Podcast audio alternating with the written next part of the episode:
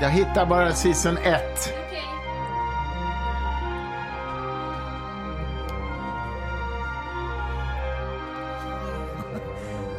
Men du påstår att season 3 har kommit idag. Den finns ju inte här. Det är så här? Ja. Jaha, du är inne på Sonos. The... Ja, det är samma utbud, darling. Mm, vad konstigt att det kommer upp då. Ja, inte vet jag. Men det är samma utbud. Spelar du in nu? Ja. Ja.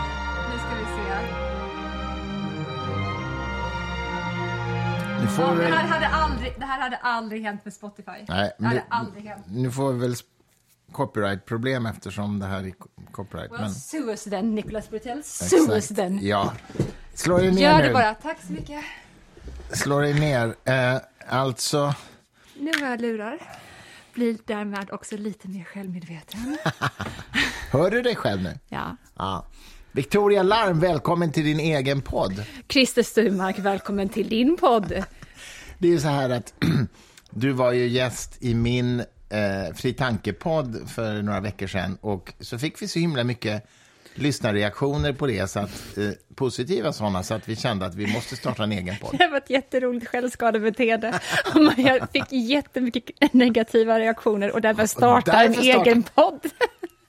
Du kunde bara hjälpa mig med micken. Hur gör man så att den Ja, stannar? det gör man så här. Vänta, du ska ha det här svarta märket framför dig. Vänta, ja det har du. Så. Och så ska man bara få den att... Den stannar inte. Eh, Jag ska lägga den. ja, Kolla. det är perfekt. Så. Hej Sturmark. Hej larm! Vi har eh, också ett namn på vår podd. Har vi det verkligen? Ja, det har vi kanske. Ja. Det är kul ifall vi har ett, tempo, ett temporärt namn. Mm. Men eftersom vi bestämde oss för att vi ska heta Den gyllene grenen Mm. så har du såklart läst på jättemycket om den boken och kommer nu berätta för våra lyssnare varför vi heter det. Eh, jag, jag, jag, kan, jag kan säga något i alla fall. Min morfar som gick bort för 40 Hård-googlar just nu. Nej, ja, min morfar som gick bort för 40 år sedan hade boken Den gyllene grenen i sitt bibliotek och jag sparade den. Så jag har den här, alltså i första utgåva, eh, i två band. Och eh, det är ju en bok som handlar om mytologiernas historia, eller hur? Ehm, man kan säga att det är The Hero with a thousand faces. Ja. Minus den jungianska aspekten, vilket är att han, vars namn jag nu glömt bort, som skrev den boken, vad heter han? Han heter James George Fraser. Fraser. Fraser. Okej. Hörde du det engelska uttalet? Nej, Fraser. inte, ja, nej. Fortsätt. inte alls faktiskt. Men han i alla fall, eh, till skillnad från Jung, sa att det här säger ingenting allmänmänskligt alls. Och det är en rolig take på det hela. Det är, samma mytologiska berättelse går igen, om och om, och om igen, men det säger ingenting om människan.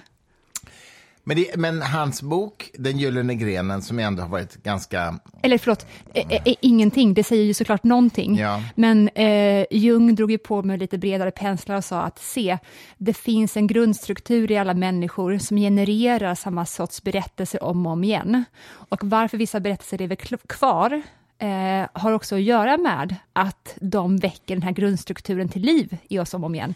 Det skulle han aldrig gått med på, Fraser. Fraser skulle inte med Nej. på det. Men hans bok kallas ju ändå ett religionsvetenskapligt verk ändå. Han var skotte eh, och eh, antropolog och eh, det kallas ju liksom ett religionsvetenskapligt verk och det har ju varit väldigt defining liksom på 1900-talet trots allt. Sen vet jag att det finns en massa invändningar mot den här boken idag bland moderna religions vetenska- eh, sociologer och sådär. Ja, detta var ju på slutet på 1800-talet som han skrev den. Var, är den så gammal? Ja, eller var det att jag Nej, tänker att han föddes fan. 1894? Men, nej, jag sätter ändå mina pengar på att den skrevs 1890 någonting. Nej, men nej. Eller att han föddes då. Nej, du, du har rätt. Alltså det här är ju chockerande jobbigt, men du har rätt. Publicerades första gången 1890. Hur fan visste du det? Jag vet inte det. Jag har faktiskt inte googlat. Den kom ut, för den upplaga jag har nämligen är från 1925 och det var ju den första svenska utgåvan. Eh, men första, jag, jag googlar, alltså jag tjuvgooglar nu när vi pratar, första gången publicerades den 1890. Alltså, hur, hur visste du det? Är du synsk?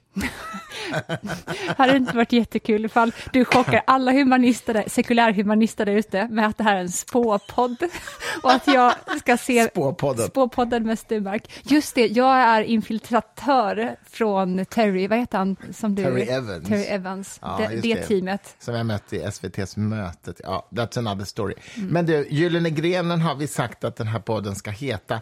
Jag är ju, ehm, har ju, ja, du och jag har lite olika syn på, på religionspsykologi, tror Jag jag. vet inte. Men- nej, Det är eller- väl också någonting för den här podden att utforska? Det är någonting för den här podden att utforska, definitivt. Men Gyllene grenen finns i mitt liv på grund av att min morfar hade den i sitt Mm, bibliotek det kan du ju intala dig att det bara är därför. Men det är faktiskt ganska kul. Jag, jag, jag tänkte på det. Som sagt, min morfar dog för väldigt många år sedan. Jag upptäckte ju i hans bibliotek när jag gick igenom det att han hade böcker liksom som handlade om eh, Kristusmyterna, hur de liksom kom ifrån tidigare sumeriska, egyptiska myter. Och, så och jag hade ingen aning om när min morfar dog att han var kristendomskritisk. Och sen är det ändå så att jag har ju uppfattat... För det är så du, obs, förlåt, men det är så du tolkar honom, att han var kristendom. Är det verkligen att vara kristendomskritisk?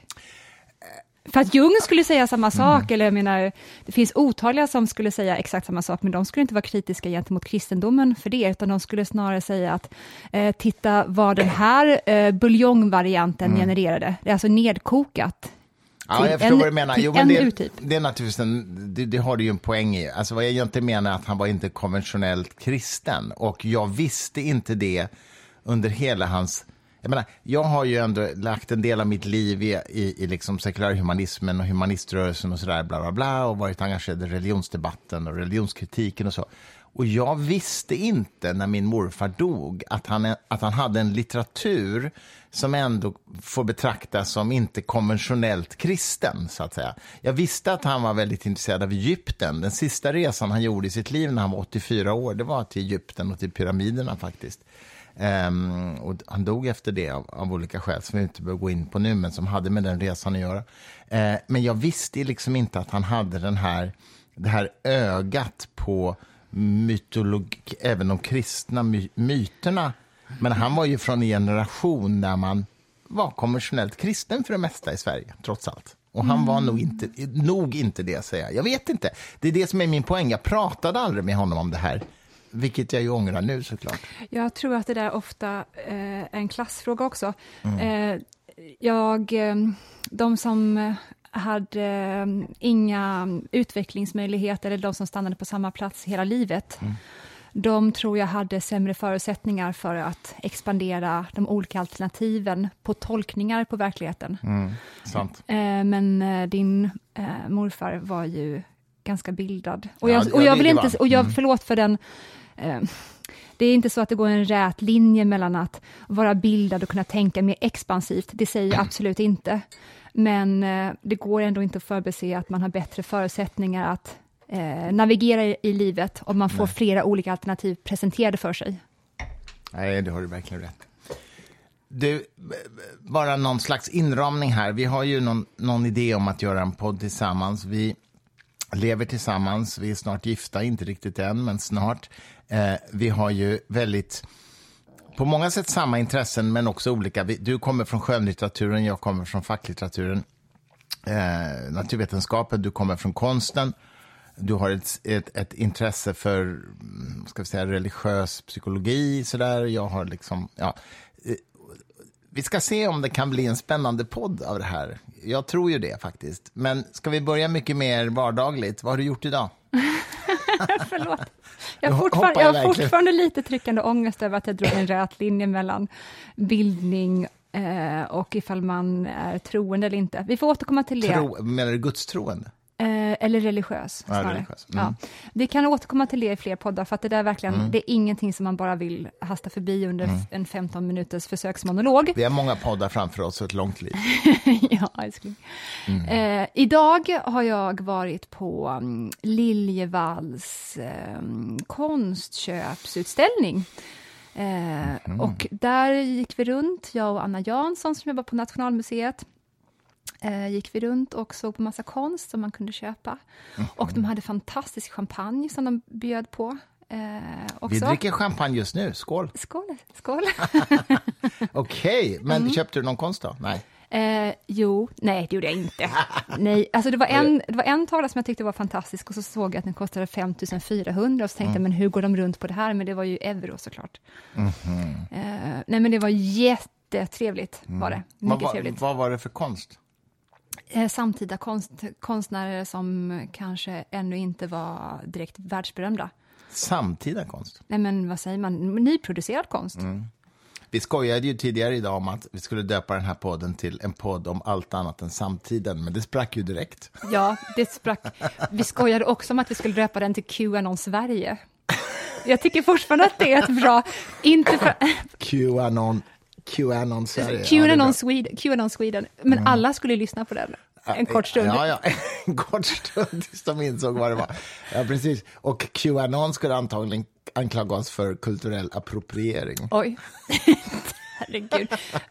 Har de många hängare eller anhängare i Sverige? Nej, men några tror jag faktiskt. Alltså. De här antivax-demonstrationerna som var för något år sedan hade nog en del Qanon. Alltså. Ja, jag tror Ja, det. Peter Wahlbeck. Ja, Han kanske inte är Qanon, han kanske inte är hela Ja, men åt det hållet. vägen på det säga. spektrat åt höger. Men... Ja men, åt det, ja, men åt det hållet. Jag vet inte om Qanon är höger. Alltså, de är ju bara foliehattar. Okej, du var på Liljevakt. Själv har jag då debatterat Du vet med... att jag hade frågat dig bara om jag, jag hade också frågat dig tillbaka, vad har du gjort idag? Men jag svarade på det innan du frågade. Ja, du både ställde frågan och svarade. You go baby. Jo, men jag har då inte debatterat, för det är fel be- beskrivning. Jag har haft ett panelsamtal med biskop Anders Arborelius, som ju då är eh, eh, ehm, katolsk biskop och eh, i katolska kyrkan och tillhör karmelitorden, fick jag lära mig idag. Han är kardinal. Ja, ja, jag kommer till det. Och han är kardinal i Vatikanen. Och det var lite kul för att eh, moderatorn för vårt samtal, han öppnade hela samtalet med att säga så här. Ja, Anders Arborelius, han är Sveriges första kardinal i Vatikanen. Åh, och då tänkte du, mumma, Ja. nu jävlar, Ja, då invände jag direkt och sa att det är helt åt helvete fel, för det är han ju inte alls. Mm. Sverige har ingen kardinal i Vatikanen. Däremot så har Vatikanen en svensk kardinal, Mm. eh, vilket de ju kan glädjas över. Men Sverige har ingen representation, religiös representation i Vatikanen. Eh, och det sa jag både till moderatorn och Anders Arborelius, vilket han ju förstås höll med om, för att det är ju självklart sant, men det säger någonting om hur jävla religiöst marinerade vi är, när till och med liksom en moderator säger så här, det här är Sveriges första kardinal i Vatikanen. Ja, det, vi, är säkert, vi är garanterat religiöst marinerade, men Mm. är det inte lite också att Sverige, som alla länder, älskar att ha någonting alldeles speciellt Mm. och unikt, så man sätter själva nationsnamnet framför det som är det Ja, fantastiska. Visst, jo, visst, det man alla skäl. Sveriges första allting, Mm. bästa seriemördaren, så har vi till och med stoltserat med det på något vis. Sveriges första seriemördare. Jag är ju, jag är ju faktiskt släkt med, med världens första brevbombare. Ja, det är konstigt Ekenberg. nog lite hett Ja, vis. Kan lite- inte du berätta den historien? Ja, om jag kommer ihåg. Alltså Ekenberg på 1800-talet var min typ farfars farfars bror. Jag kommer inte ihåg exakt nu. Men han var den första som uppfann brevbomben. Han var en tokig uppfinnare. Jag tror att han hette Martin Ekenberg, om jag minns rätt nu. Eh, det har gjorts eh, till och med tror jag, något tv-program om honom. Det, det är lätt att googla på det här. Han var den första som... Han var en tokig uppfinnare. Han skickade såna här patent, ville få patent för olika uppfinningar.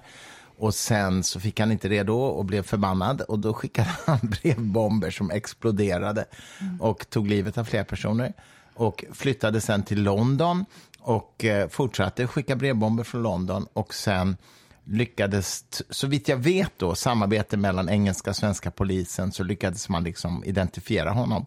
Och när de väl kom till hans hem så var han död. Och det är oklart då om han var mördad eller hade begått självmord. Men Men han måste blivit, för att om det var självmord så tänker man att han borde blivit varnad av någon, att, eller att han borde ha förstått själv Ja. att de är med på Ja. spåren. Det Ja, kan ju inte jag- varit, inte. Eller kanske det var, han var extremt ensam, så att han hade legat död i flera, flera veckor, månader innan de hittade honom. Ja, jag, jag vet verkligen inte detta, jag är inte särskilt påläst. Men, men, men visst är det så att det, någon i din släkt hade en teori om att Ekenberg från början var Eichenberg? Ja, och att, ni, mm. att det är judiskt Att det kan vara judiskt, ja. Jag har, jag har ju gjort sånt här DNA-prov på sån här eh, internetdatabas och jag har ju eh, 97 procent skandinaviskt blod och sen hade jag lite belgiskt blod och sen hade jag 1,7 procent Ashtenaki, judiskt blod. Vilket jag är jättestolt över eftersom jag älskar judisk kultur. Vad är det du älskar med judisk kultur? Um, musiken, filosofin. Och vilken musik är du menar då? Menar du det här som de brukar köra på bar mitzvahs och bröllop? Dun, dun, dun. Eller vad är det? nej, är det det, det melankoliska? Inte, det är inte, det är inte klezmer sådär, utan nej, jag menar nog snarare att det finns i den judiska kulturen en vurm för musik. Liksom. Det finns en vurm för excellens. excellens, excellens. Jag älskar den här vemodiga fiol violinmusiken som jag i alla fall förknippar med judisk kultur. Ja.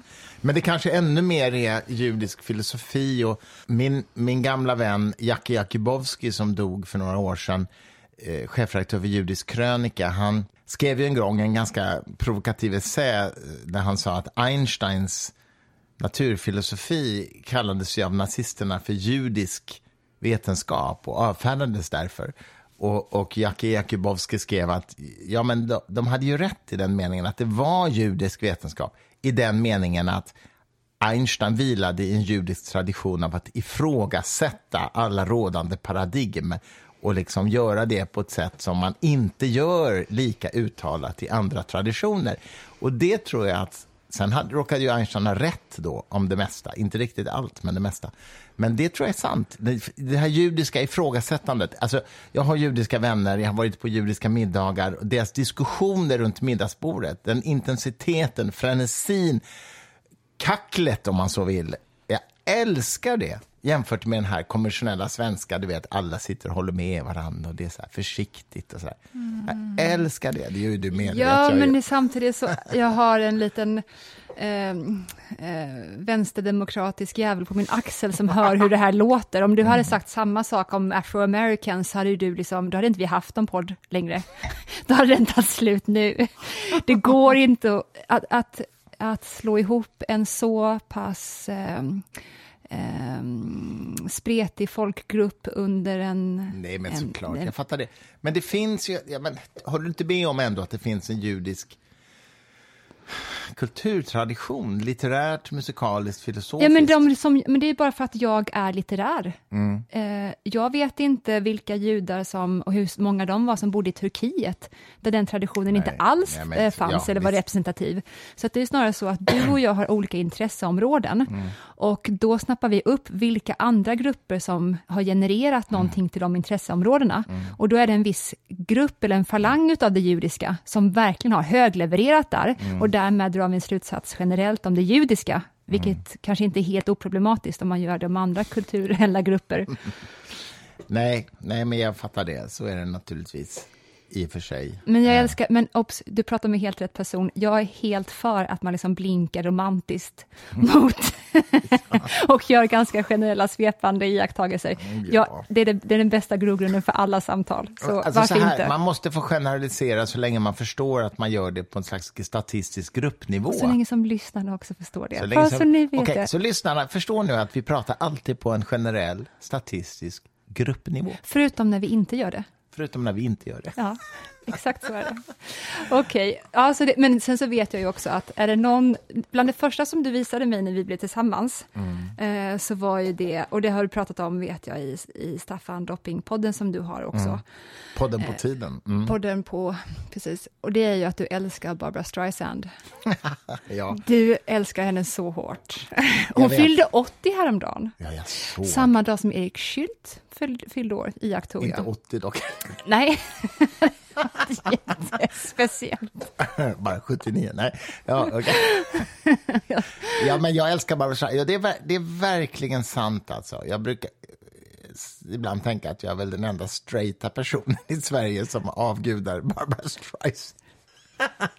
jag, men, hon är förlåt, jag ville bara att det skulle vara tystare en sekund och att du var helt ensam, så att jag och lyssnarna tittade lite, vi fick ögonkontakt med varandra en kort stund i tveksamhet, fast jag vet att det är så. Ja, ja men jag, hon är ju en gay-ikon. Jag tycker hon är helt fantastisk. Alltså, kom, glöm inte, hon, hon gjorde filmen Gentle, och baserad på Isaac Bashevis Singers eh, novell om den här The Yeshiva Boy, den här lilla östeuropeiska flickan i början av 1900-talet som älskar vetenskap och filosofi och på grund av att hon växer ut upp i en liten judisk ultraortodox by så får hon inte studera från i flicka. Hon klär ut sig till pojke, hon eh, eh, eh börjar på universitetet och eh, det här är en underbar liten novell.